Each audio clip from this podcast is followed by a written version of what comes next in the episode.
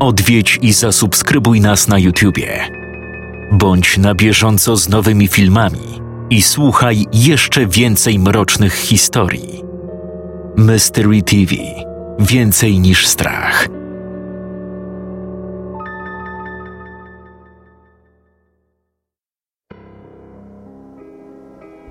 Prolog. Idziemy już tak długo. Czyżbym nie miał za grosz orientacji w terenie? Droga zdaje się nie mieć końca, a przecież z moich wyliczeń wynika, że już dawno powinniśmy dotrzeć gdziekolwiek. Notatka. 19 września 1873 roku. Jest popołudnie. Zapisuję tę notatkę w nadziei, że ktoś ją znajdzie i pośpieszy nam z pomocą. Nazywam się Fryderyk Wyżycki. Wraz z moją narzeczoną Marcjanną Turańską mieliśmy wypadek. Powóz, którym podróżowaliśmy, wypadł na zakręcie z drogi w czasie tej okropnej burzy. Cudem wyszliśmy z wypadku bez poważnego uszczerbku na zdrowiu. Niestety nasz woźnica nie przeżył, przygnieciony przez powóz. Nie miałem dość sił, by wydostać jego ciało, więc przykryłem go jedynie płaszczem. Proszę zaopiekować się nimi i odprawić należyty pochówek. Poniosę wszelkie koszty z tym związane. Podczas wypadku jeden z koni niefortunnie nabił się na postrzępiony pień przydrożnego drzewa. Już nie dycha. Drugi chyba wyrwał się z uprzęży i pognał gdzieś przerażony grzmotami szalejącej burzy. Wraz z narzeczoną byliśmy w drodze do mojej rodziny mieszkającej na Kresach w majątku Hołby, w guberni wołyńskiej, aby osobiście zaprosić kuzynostwo na nasz ślub w grudniu. Zostawiam notatkę opisującą, co nas spotkało, zawieszoną na drzwiach tego wraku. Znalazcę proszę o pomoc. Powiadomienie rodziny Wyżyckich, rezydującej w dworku Saroczyn, w powiecie siedleckim.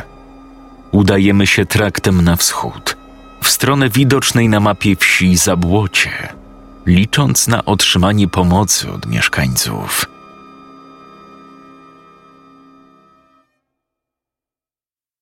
Dziennik.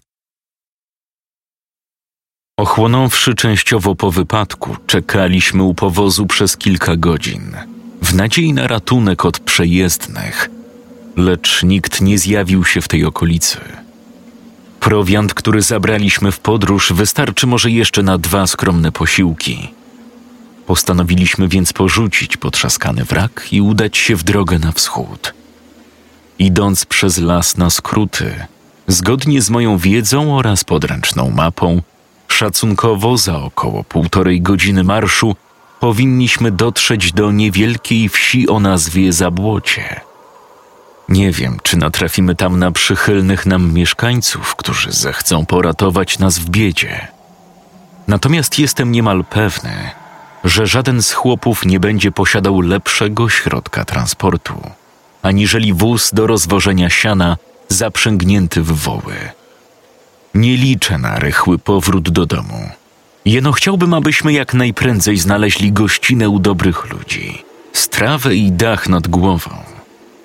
Wyruszamy zatem za kilka chwil. Ostatecznie zdecydowałem, że pójdziemy szlakiem wzdłuż drogi, omijając las. Pomimo iż według mapy była ona kręta i dłuższa, zwiększało to szanse na napotkanie jakichś przejezdnych i uzyskanie pomocy. Niestety, jak dotąd ani żywej duszy. Zatrzymaliśmy się wreszcie na chwilę odpoczynku, jak mi się zdało po trzech godzinach marszu. Przeto zauważyłem, że słońce będące częściowo za chmurami chyli się już ku horyzontowi. Spodziewam się więc, że niebawem zacznie zmierzchać. Musimy ruszać dalej. Zboczyliśmy jednak w stronę lasu. Nadkładanie drogi nie było dobrym pomysłem. Nic nie zyskaliśmy, a zaczyna się już ściemniać. Marcjanna jest zmęczona i stała się markotna. Chyba ostatkiem woli zachowuje spokój.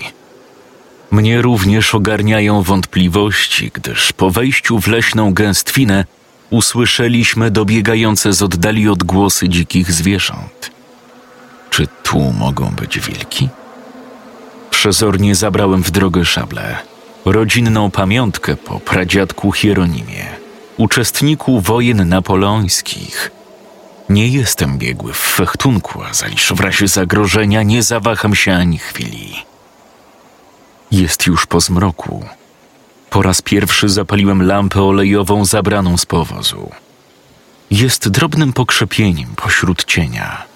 Jednak lękam się, że przyciągniemy uwagę dzikich zwierząt. W naturze powinny wszak spłoszyć się jasnym światłem, lecz tego nikt nie przewidzi. Spożyliśmy przed kwadransem ostatnią porcję pożywienia. Od teraz pozostaje nam jedynie bukłak z wodą. Wioska, do której zmierzamy, powinna już prześwitywać ogniem pochodni i palenisk z za drzew. Wciąż jednakże ani śladu zasiedlenia. Marcjanna wybuchła płaczem już dwukrotnie. Jakoś udało mi się ją uspokoić, obiecując rychłe dotarcie do obranego celu. W głębi duszy obawiam się jednak, że słowa dotrzymam nie prędzej niż na zajutrz. Zapadła noc. Nasze nogi odmawiają dalszego marszu. Postanowiłem rozpalić ognisko nieopodal potężnego dębu.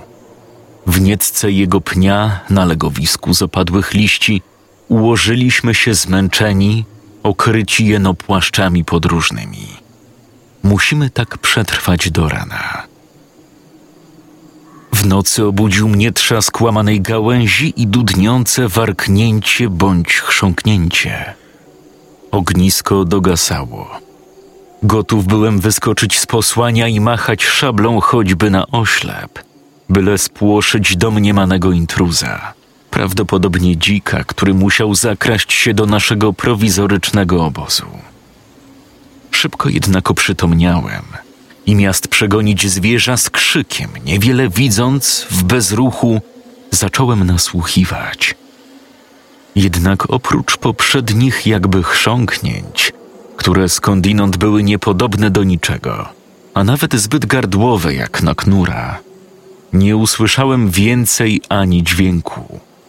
Ba, nie słychać było nawet najlżejszego szmeru liści wokół obozu czy innych odgłosów lasu. Zapadła dziwna, zatrważająca cisza. Marcjanna na szczęście się nie zbudziła. Gdy oczy me zdążyły przywyknąć do ciemności, wzrok mój przykuł jeden punkt po drugiej stronie przygasającego ogniska, gdzie pewien kształt formował się w niepokojącą całość. Podniosłem raptownie głowę, by przyjrzeć się uważniej. Przedziwny to widok, który zmroził mi krew w żyłach. Oto po drugiej stronie obozu, na skraju kręgu słabego światła, w pozie godnej posągu, stał wyprostowany, nieokreślony stwór. Nie potrafiłem rozeznać, czy to w ogóle zwierz, człowiek czy jakaś bestia nie z tego świata. Widziałem, że kreatura wpatruje się we mnie wielkimi, smolisto-czarnymi ślepiami, a jego twarz, a raczej pysk wykrzywiał diaboliczny grymas, jakoby uśmiech, z nadwyraz spiczastymi zębiskami. Facjata ta wyglądem przypominała szkaradne plemienne maski – które wuj August przywoził niekiedy z wypraw na czarny ląd. Choć siliłem się, aby dojrzeć więcej szczegółów, upewnić się, czy aby mój umysł ze mną nie pogrywa, nie potrafiłem określić, czym lub kim był ten stwór. Czyżbym natknął się na postać wilkołaka z ludowych bajań? Strach sparaliżował mnie do szpiku, a seria mrowień w karku wzdrygnęła moim ciałem – Lecz wbrew moim obawom, ten czart, ani na moment nie spuszczając mnie z oczu, bezszelestnie wycofał się w głąb zarośli. Nawet gdy zniknął pośród krzaków, wciąż czułem na sobie niemal namacalne spojrzenie. On wciąż gdzieś tam był i czegoś od nas chciał. Długo jeszcze czuwałem, lecz w końcu zmęczenie wzięło górę i oczy same mi się zamknęły. Nazajutrz byłem niewyspany i przekonany, że to, co ujrzałem, musiało być tylko koszmarem sennym, który nawiedził mnie ze względu na szok i trudy związane z wypadkiem. Jednak gdy zajrzałem do dziennika, dostrzegłem niezgrabnie nakreśloną przeze mnie wzmiankę o tym dziwnym incydencie. Musiałem ją nabazgrać jeszcze w nocy. Zimny dreszcz na powrót przeszedł mi po karku. Rzecz jasna, nie wspomniałem narzeczonej ani słowem o tym, co ujrzałem. Ona zaś od rana była milcząca i zobojętniała. Śniadania w zasadzie nie było. Uraczyliśmy się garścią owoców leśnych, kilkoma grzybami i jakimś kłączem, które według Marcjanny było jadalne. Głód rozwiał me wątpliwości doraźnie się pożywiliśmy. Wkrótce ruszyliśmy w dalszą drogę. Mijały kolejne godziny, a my wciąż nie mogliśmy odnaleźć śladu osad ludzkich. Obojgu zaczęło się udzielać zdenerwowanie. Mam wrażenie, jakbyśmy błądzili wciąż w tych samych miejscach. Wszystko tu wygląda jednakowo. Nie obyło się też bez kłótni, którą Marcjanna podsumowała, skądinąd słusznie mówiąc, nie powinno nas tu być. Przecież wiem o tym. Czuję się poniekąd winny, gdyż za moją decyzją zostawiliśmy powóz i ruszyliśmy w drogę. Być może gdybyśmy tam zostali, ktoś już by nas odnalazł. Niemniej nie ma już odwrotu. Jesteśmy nieszczęsnymi rozbitkami pośród dzikiej flory i o zgrozo fauny tutejszych lasów. W tym momencie przed oczami znów zamajaczył mi przerażający widok z przeszłej nocy. Nie chcę o tym myśleć. Zastanawiam się, czy to mapa może się tak mylić. Czy to my nieświadomie błądzimy, zwodzeni przez jakieś fatum? Nie przymierzając już kilkakrotnie pokonaliśmy odległość, w której miała znajdować się wieś. Przed kilkoma chwilami doszły nas z oddali dźwięki, jakby ten, ten tu kopyt. Natychmiast poczęliśmy biec w stronę, z której dotarł do nas wzbudzający nadzieję odgłos.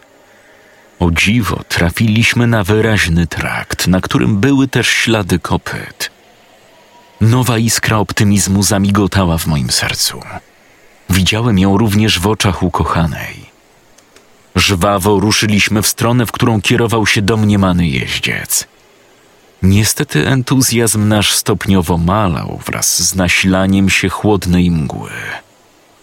Dzień był rzeczywiście pochmurny, a powietrze wilgotne od rana. Lecz owa mgła zdała się objawić zupełnie nagle. Jedno co dobre, iż drzewa zaczęły się przerzadzać, a my wyszliśmy na polanę. W tym miejscu zgubiliśmy trop jeźdźca. Głód, nie dając o sobie zapomnieć, niemiłosiernie skręcał nam żołądki. A może nie to było przyczyną? Stoimy teraz na rozdrożu przy starym drogowskazie na środku polany, który nie wskazuje żadnego kierunku.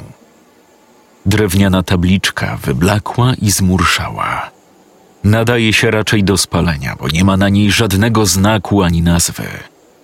Marcjanna jest roztrzęsiona i popada w coraz większe przygnębienie. Ja również czuję się bezradny. Nie mam pojęcia, gdzie jesteśmy. Staram się jednak nie poddawać, zachowując zimną krew. Kątem oka dojrzałem nagle jakiś czarny kształt, który przemknął na granicy widoczności przy ścianie lasu na lewo od traktu, którym przyszliśmy. Las wyraźnie gęstniał w tamtym miejscu i wydawał się wręcz ponury. Znów na myśl przyszła mi ta szkaradna postać, która ukazała mi się w nocy w obozie. Postanowiłem, że czym prędzej ruszymy w przeciwną stronę, na prawo od drogowskazu na wszelki wypadek. Decyzja okazała się jak mniemam słuszna. Otóż właśnie zawitaliśmy w czymś, co aniżeli wieś bardziej przypominało małą, starą osadę. Nie ma to teraz dla nas znaczenia. Zdaje się, że jesteśmy uratowani. Z rozrzedzonej mgły wyłaniać się poczęły kryte słomą liche domostwa. Wprawdzie nie było nikogo w obejściach, ale nie zraziło nas to przed śmiałym wkroczeniem do pierwszej z brzegu chałupy. Zresztą w ogóle nie zawartej. W środku było zupełnie pusto. Strzecha była dziurawa. Za podłogę służyło zwykłe klepisko z gliny, a małe okienka pozbawione szyb przepuszczały gwiżdżący złowieszczo wiatr. Widząc to, Marcjanna wzdrygnęła się i łapiąc mnie niespokojnie za rękę, wyszeptała: Nie powinno nas tu być. Była naprawdę zaniepokojona, ale wyjaśniłem jej, że ta osada jest naszą najlepszą opcją na spędzenie nocy. Zważywszy na sytuację, nie mogliśmy liczyć na większe wygody. Być może bała się tej chaty? Ruszyliśmy więc do kolejnych domostw, by upewnić się, czy aby pozostałe były równie zaniedbane i opuszczone. Tylko dość duży dom blisko środka osady prezentował się lepiej. Dach miał pokryty drewnianym gątem, a nie strzechą. Ryglowane, wszak otwarte teraz drzwi i okna zawierane okiennicami. Wewnątrz w głównej izbie była podłoga z desek, palenisko, prosty stół, a obok dwa krzesła. W drugiej małej izbie stało tylko łoże przykryte starym pledem. Widać, musiał tu mieszkać ktoś bardziej zamożny spośród chłopów. Ponadto znaleźliśmy kilka narzędzi, a w tym oparte o ściany widły. W małym schowku obok paleniska czekała na nas najmilsza niespodzianka tego popołudnia. Znaleźliśmy bowiem kilka ziemniaków i trochę cebuli, odłożone przez kogoś na strawę. Było to dla nas zbawienne odkrycie. Możliwość zjedzenia ciepłego posiłku przed nocą pokrzepiła nas wielce i napełniła otuchą. Marcjanna zajęła się przygotowaniem posiłku, a ja przyniosłem wody ze studni i rozpaliłem ogień w palenisku. Potem poszedłem rozejrzeć się po pozostałych domostwach. Oprócz tego, że nigdzie nie było żywej duszy, spostrzegłem też coś dziwnego. Na drzwiach niektórych domów wyryty był jakiś niezrozumiały symbol. Gdybym miał go opisać, najprościej wskazałbym na skojarzenie z głową jakiegoś bóstwa z mitologii starożytnego Egiptu. Przez jej środek przechodził dziwny węzeł, przypominający nieco kilka szponów lub wygiętych kłów wzajemnie splecionych. Niestety nie znalazłem zbyt wielu wartościowych przedmiotów. Trochę narzędzi do prac w polu, jakieś pokrzywione sztućce i parę glinianych garnków. Jednak prawdziwym skarbem okazał się bochenek czerstwego, ale wciąż dającego się zjeść szarego chleba. Było to wszak nieco dziwne. Osada, jak się zdaje, była opuszczona od dawna. Skąd zatem ten chleb? Ściemnia się coraz bardziej, więc wracam do narzeczonej, aby wspólnie spożyć wieczerze. Jednak przedtem chciałbym wspomnieć jeszcze o dziwnym słupie na placu w centrum osady. Wygląda jak średniowieczny pręgierz okuty łańcuchami, na którym widać zgoła świeże, brązowe plamy. Czyżby to była krew? Wcale nie podoba mi się to miejsce. Jednak myśl, że tę noc spędzimy w ciepłej izbie z dachem nad głową, usuwa w cień wszelki niepokój. Wróciłem do zajętego przez nas domu. Zjedliśmy pieczone ziemniaki z cebulą i chlebem. Przed snem zaryglowałem drzwi, a okna zawarłem okiennicami. Łoże w drugiej izbie wyścieliłem przyniesioną z obejścia suchą słomą.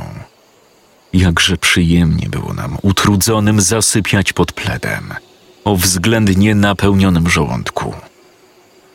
Sielski spokój rychło przerwały dziwne hałasy na zewnątrz. Nie spaliśmy jeszcze, gdy dobiegły nas dźwięki przypominające przeciąganie czegoś po ziemi. Do tego dołączyło tragiczne zawodzenie wielu głosów. Hałas natężył się prędko i już po chwili zdawało się, jakby setka skutych łańcuchami chłopów ciągnięta była przez sioło na jakieś tortury. Co tam się do diabła wyprawia? Zbytnio się baliśmy, aby chcieć to sprawdzić. Miast tego sięgnąłem ręką po szable i ułożyłem wzdłuż ciała na łóżku. Widły stały oparte o ścianę tuż obok. Odgłosy nie milkły. I tak godzina po godzinie przyprawiały nas o szaleństwo. Byłem niemal pewny, że to jakiś zastęp potępieńców powstał z grobów i odbywa tę upiorną pielgrzymkę wokół stojącego nieopodal pręgierza. Marcjanna poczęła modlić się o oddalenie od nas tych demonów i wybawienie od zła. Aż w końcu wpadła w histerię i już powtarzała tylko: Nie powinno nas tu być.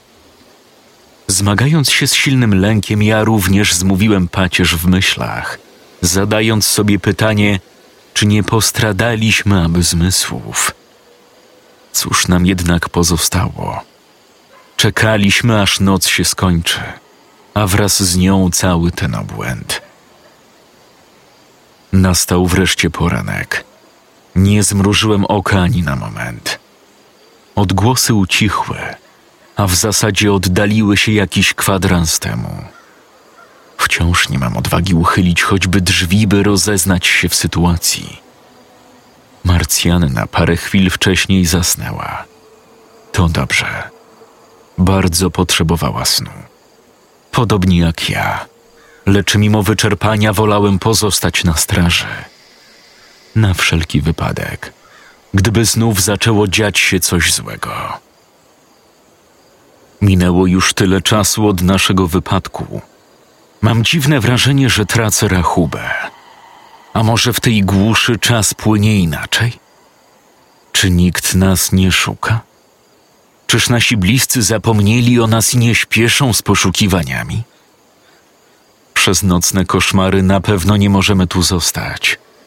Zaraz pożywimy się resztką chleba i musimy ruszać dalej w drogę. Zmorzyło mnie. Zasnąłem, jak sądzę, na kilkanaście minut. Gdy się ocknąłem, Marcjanny nie było przy mnie, ani nigdzie w głównej izbie. Przerażony rzuciłem się do drzwi, lecz zorientowałem się, że te pozostawały zaryglowane od wewnątrz. Musiała chyba wyjść przez okno. Wszystkie były jednak również zamknięte. Nie zastanawiając się nad tym dłużej, zabrałem szable i ruszyłem na poszukiwanie. Na szczęście nie musiałem szukać daleko. Marcjanna stała pod pręgierzem. Nadgarstki miała owinięte w łańcuchy i najwyraźniej sama to sobie zrobiła, gdyż mamrotała do siebie, że nie da się porwać do piekła. Gdy zaś począłem ją oswobadzać, zaczęła histerycznie krzyczeć, że tam nie pójdzie. Oprzytomniała dopiero, gdy ocuciłem ją zimną wodą ze studni. Powiedziałem, że jak tylko zjemy, zabieram ją z tej przeklętej osady. Uspokoiła się i tylko powtórzyła to, co już wielokrotnie słyszałem. Nie powinno nas tu być. Od tego momentu zdawała się być nieobecna. Nic nie mówiła. Nie byłem w stanie wydobyć z niej, jakim cudem znalazła się na dworze, pomimo zamkniętych drzwi i okien. Zaniosłem ją na rękach do naszego tymczasowego domu. W milczeniu spożyliśmy chleb, a właściwie to ja spożyłem. Ona nie jadła. Napiła się tylko wody, obojętnie patrząc przed siebie.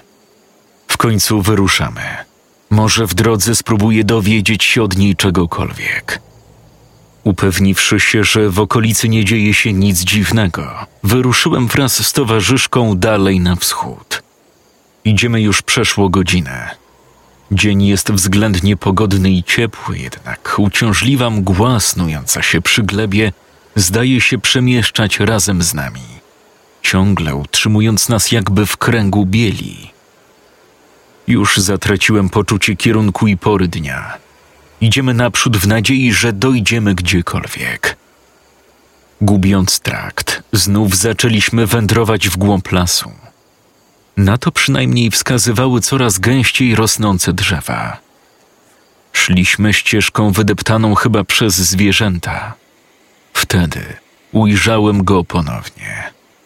Ten czarci stwór, teraz przypominający bardziej wilka, przykucnął w rosnących nie tak daleko zaroślach. Patrzył wprost na nas swoimi martwymi ślepiami. Dziwny dreszcz przeszył moje ciało. Wziąłem Marcjannę za rękę i pociągnąłem za mną w przeciwną stronę. Chciałem jak najszybciej oddalić się od tego miejsca. Obejrzałem się jeszcze, by sprawdzić, czy ten bies wciąż nas obserwuje. Nie było go już. Jedzenie skończyło się nam jeszcze w osadzie, jednak o dziwo każde z nas przestało chyba odczuwać głód. Marcjanna co jakiś czas cicho załka, ale wciąż nic nie mówi. Ja też nie jestem w nastroju do rozmowy. Sam czuję się beznadziejnie. Nie tylko tracę rachubę czasu, ale wszystko wydaje mi się odrealnione. Nawet dłoń Marcjanny, którą trzymam, zdaje się jakaś obca. Co się z nami dzieje? Idziemy już tak długo. Nie wiem, ile godzin ani dni minęło. Mam wrażenie, jakby pora dnia nie zmieniła się w ogóle. Nie pamiętam nawet, kiedy była noc. Jakiś czas temu po prostu nastała jednolita szaruga i wisi nad nami niczym widmo śmierci. Przed chwilą słyszeliśmy dziwny odgłos, jakby jakaś maszyneria. Nie wiem skąd coś podobnego w środku dziczy. Być może gdzieś tu biegną tory kolei żelaznej. Nie jest też wykluczone, że to mamy. Czuję się taki wyczerpany z każdą chwilą uchodzą ze mnie siły. Podczas postoju zdrzemnąłem się przez kwadrans. We śnie znowu nawiedził mnie ten przeklęty stwór, a raczej kreatura podobna do wilka. Wpatrywał się we mnie, by w końcu rozewrzeć swą wielką paszczę i rzec coś do mnie. Nie zrozumiałem ani słowa, bo nie mówił ludzkim językiem – jakby czegoś ode mnie chciał, ale nie potrafię pojąć czego. Popadam w obłęd. To wszystko z widy. Halucynacje z powodu przemęczenia ciągłą wędrówką. Niech ten cholerny las wreszcie się skończy.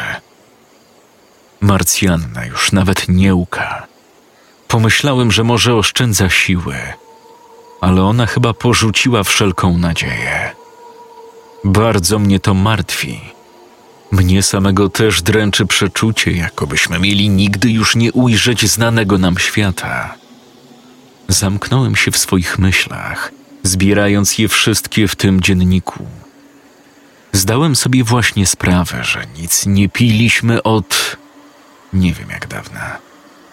W marności całej tej sytuacji przestałem odczuwać chłód, ból i wszelkie potrzeby fizjologiczne, przestajemy istnieć.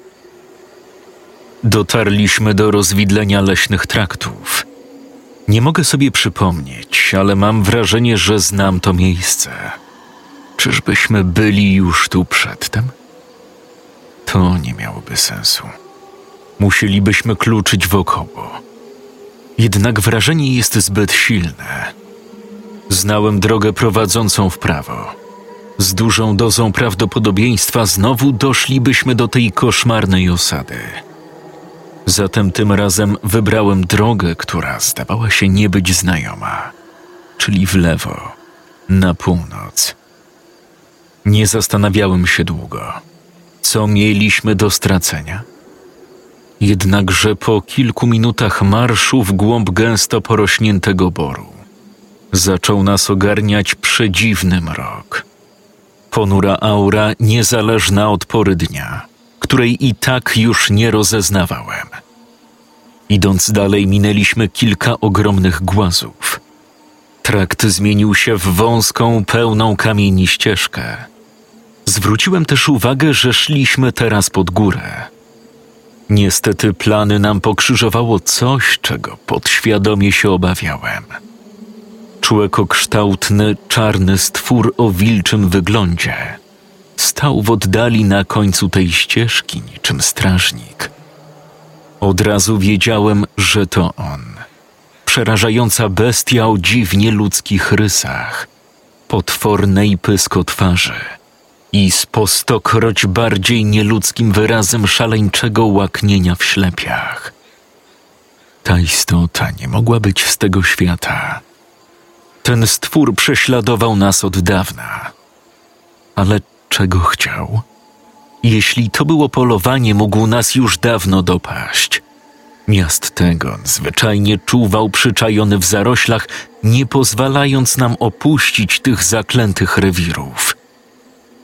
Jednak nie miałem wątpliwości, co się stanie, gdy podejdziemy zbyt blisko. Zapewne rzuci się na nas i rozszarpie. Złapałem więc narzeczoną za rękę i obrałem drogę na powrót. I tak znowu stanęliśmy przy skądinąd znanym drogowskazie i zatrzymaliśmy się, by przemyśleć naszą sytuację. Oboje już chyba przeczuwamy, że nie da się stąd uciec. Tak jak się spodziewałem, szlak wiodący z prawej strony bezimiennego drogowskazu poprowadził nas w znajome miejsce. Doszliśmy ponownie do opuszczonej osady. Wydaje mi się, że byliśmy tu raptem parę dni temu, choć równie dobrze mógł to być tydzień albo dwa. Niemniej osada wyglądała, jakby od naszego ostatniego pobytu minęło wiele lat. Domy jeszcze bardziej podupadły, a niektóre się zawaliły i pozarastały zielskiem. Tylko pręgierz na placu pośrodku wyglądał niezmiennie. Tak samo. A makabryczne, brunatne plamy na nim jawiły się świeżo, jakby dopiero co kogoś tu zakatowano. Ta ponura sceneria przyprawiła mnie od dreszcze. Mam przeświadczenie, że wydarzyło się tu coś złego. Zatrzymamy się więc na krótko, aby chwilę odpocząć, choć co dziwne, oboje nie czujemy już fizycznego zmęczenia. Dłuższą chwilę zastanawiałem się, jaki obrać kierunek dalszej drogi. Marcjanna, do czego przywykłem, była całkiem nieobecna duchem. Reagowała wprawdzie na moje słowa, ale nie wyrażała przy tym żadnych emocji czy zaangażowania. Przypominała coraz bardziej zjawę snującą się bez celu. Ja pewnie wyglądałem podobnie. Postanowiłem, że spróbujemy przekroczyć mroczną granicę strzeżoną przez czarnego stwora. Boję się tego bardzo. Wiem, że wciąż w zaroślach czyha ten łeb ze smolisto-czarnymi oczyskami. Ale jeszcze bardziej przeraża mnie myśl o niekończącej się tułaczce po tym zapomnianym przez Boga padole, aż do marnej śmierci z wycieńczenia, a bynajmniej z głodu. Już prawie nie pamiętam, jak smakuje jedzenie, a przecież nie łaknę ani trochę. Ułożyłem w końcu plan działania. Udamy się do umownej granicy na skalistej ścieżce. Jeśli potwora tam nie będzie, czym prędzej ruszymy przed siebie w stronę, z której dobiegły nas dźwięki maszynerii. Być może lokomotywy albo innego pojazdu. To nieistotne. Wszak muszą tam być jacyś ludzie. Jeśli zaś bestia będzie czyhała na nas w zaroślach, cóż, będę walczył i za pomocą szabli spróbuję ją przepędzić. Ruszyliśmy zatem w nieznane. Las nieprzychylnie roztoczył nad nami złowieszczy cień i zrobiło się jeszcze bardziej ponuro. Prowadząc Marcjannę za rękę, sam szedłem przodem, by torować drogę przez gałęzie, które zdawały się wyciągać w naszą stronę, jakby chciały pochwycić nas, zanim uciekniemy. Gdy pod stopami zaczął chrzęścić gruz, a droga z ziemnej, usłanej korzeniami, przerodziła się w kamienistą ścieżkę wiodącą ku górze, wzmogłem czujność. Po chwili przed nami ukazała się mroczna granica. Wyraźnie widziałem poprzecznie biegnący pas na ziemi węglowo-czarnej barwy – za którą mgła pierzchła. Czułem, że teraz każdy następny krok naraża nas na niebezpieczeństwo. Uważnie rozejrzałem się wokół. Stwora nigdzie nie dostrzegłem. Marcjanna za mną cicho zaszlochała. I to był pierwszy przejaw emocji z jej strony od dawna. Spojrzałem na nią przez moment i wtedy wymamrotała bardziej do siebie, że nigdy się stąd nie wydostaniemy. A może mi się przesłyszało? Nie mieliśmy jednak czasu na dyskusję, więc przywołałem ją do porządku i nakazałem, by biegła co sił przed siebie, gdy tylko przekroczymy ciemny pas graniczny na ziemi. Upewniwszy się, że dotarło to do niej, przyrzekłem, że będę tuż za nią, osłaniając przed atakiem drapieżnika. Ale tej wiadomości chyba już nie przyswoiła. Przekroczyliśmy linię granicy i wtem, zewsząd, jakby jednocześnie, dobiegło nas zwierzęce, a raczej demoniczne wycie. On już wiedział. Teraz! Biegnij! Wykrzyknąłem do Marcjanny, jednocześnie podnosząc rękę z wyciągniętą szablą. Nerwowo zacząłem się rozglądać na wszystkie strony. Marcjanna zebrała się w sobie i ruszyła co sił naprzód. Ja również pognałem czym prędzej za nią, co rusz oglądając się za siebie. Kolejne fale zimnych dreszczy przebiegły mi po karku gdy po chwili dosłyszałem, że coś ciężko dyszy tuż za nami. Nie chcąc tracić czasu, a może ze strachu nawet nie ważyłem się spojrzeć za siebie. Twarz moją okładały kolejne gałęzie, a korzenie co rusz złośliwie chwytały mnie za kostki. Marcjanna nagle zniknęła mi z oczu, gdy próbując ominąć potężne, powalone drzewo, odbiła w poboczne krzaki. Gąszcz natychmiast zamknął się za nią niczym wrota. Zawołałem ją i podobnie skierowałem się w tamtą stronę. Z trudem jednak przedzierałem się przez tę kępę, torując sobie drogę szablą. Wreszcie, gdy dotarłem do wzniesienia przez luźno rosnące tu drzewa, ujrzałem, że Marcjanna nieświadomie biegnie w dół zbocza ku przeklętej osadzie. Krzyczałem do niej, żeby wróciła, ale mój krzyk raptem został zagłuszony przez grzmiący ryk.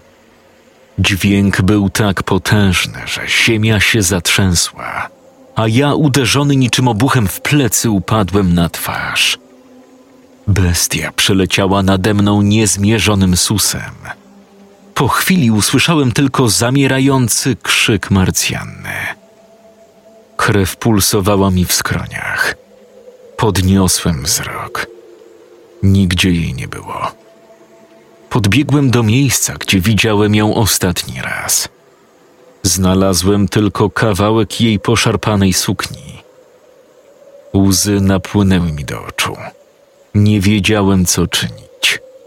Machając szablą na boki w niedorzecznej nadziei, że w ten sposób coś osiągnę, przeciąłem jedynie powietrze i końce gałęzi pobliskich krzaków. Nastała głucha cisza. Stałem bezradnie patrząc przed siebie, po czym osunąłem się na kolana i zacząłem szlochać. Zrozpaczony i zdruzgotany, wpatrywałem się w pustkę. Wtem w dole, przez rozrzedzoną mgłę na polanie u przeklętej osady, dojrzałem chyba postać. Zwrócona była twarzą w moją stronę. Odległość była dość duża, ale rozpoznałem tę poszarpaną suknię. Tak, to była Marcjanna. Serce mocniej mi zabiło. Już miałem ruszyć w jej stronę, gdy podobnie jak ją, ujrzałem wyłaniające się z mgły inne ludzkie postacie. Patrzyli beznamiętnie w moją stronę. Nie mogłem dostrzec szczegółów ich twarzy lecz wszyscy zdawali się być pogrążeni w wielkim smutku. Kolejno zaczęli odwracać się i rozpływać we mgle. Jako ostatnia pozostała Marcjanna. Zdążyłem podnieść się z kolan i wyciągnąć rękę w jej stronę. lecz w tym samym momencie usłyszałem jakby jej szept niesiony w powietrzu. Uciekaj. Powoli ona spuściła głowę, odwróciła się i zniknęła. Zamarłem. Echo poniosło z oddali ryk bestii. Poderwałem się w akcie jakiejś nieopisanej wściekłości. W tym momencie było mi wszystko jedno. Przeciąłem kilkakrotnie powietrze i potknąłem się o korzeń. Szabla wypadła mi z dłoni i zsunęła się w dół zbocza. Brnąłem przed siebie, jak najdalej od tego przeklętego miejsca. Uciekając w stronę prześwitu drzew, z którego wyłaniały się promienie słoneczne, słyszałem, że to coś jest coraz bliżej. Już prawie czułem, jak wielkie zębiska chwytają mój płaszcz, gdy nagle skoczyłem przed siebie. Upadając bokiem, stoczyłem się kilka metrów z wysokiej skarpy i znalazłem na szerokiej, twardej drodze. Byłem pewny, że przy tym upadku złamałem co najmniej obie nogi i prawdopodobnie rękę. Nic jednak nie czułem. Czy mogło być aż tak źle, że całkowicie straciłem czucie? Wzrok mój przykuła nawierzchnia. Była jednolita, jakby z ciemnego bitumu, gładka jak stół. Wzdłuż niej zaś równy ciąg białych odcinków. Nigdy nie widziałem czegoś podobnego. Gdzie ja jestem? Spróbowałem się podnieść. O dziwo nie sprawiło mi to żadnego bólu. Mogłem stanąć o własnych siłach. Nagle z zakrętu wypadł jakiś dziwny pojazd, przypominający nieco wagon tramwaju konnego na szerokich kołach. Choć bez zaprzęgu, pędził na mnie z rykiem i dużą prędkością. Wszystko działo się bardzo szybko, choć przez chwilę czas się dla mnie zatrzymał. Oślepiło mnie jasne światło. Spodziewałem się uderzenia, lecz pojazd musiał wyminąć mnie o włos. Usłyszałem przeraźliwy pisk i trzask. Nie wiedziałem, co się dzieje. Obejrzałem się za siebie. Pojazd rozbił się na drzewie. Po chwili ze środka wyszło dwoje ludzi. Byli dziwnie ubrani. Kobieta miała rozcięte przedramię, a mężczyzna trzymał się za głowę. Mimo wszystko zdawali się nie odnieść poważniejszych obrażeń. I wtedy do mnie dotarło. Fala paniki i strachu przepełniła moje serce. Próbowałem krzyczeć do nich: uciekajcie! Lecz mój głos grzązł w gardle. Nagle poczułem czyjąś obecność nade mną. Coś pochwyciło mnie w potężnym uścisku. To był on. Uniósł mnie nad ziemię. Wbił swoje ostre kły w moją szyję i powiódł z powrotem w mglisty, ponury las. Bez czucia, bez nadziei, bezwładnie wleczony byłem przez demonicznego wilka, patrząc jak tamci ludzie opatrują sobie rany. Współczułem im. Bardzo im współczułem. Wiedziałem, że nie usłyszą moich słów, choćbym silił się na krzyk. Nie powinno was tu być.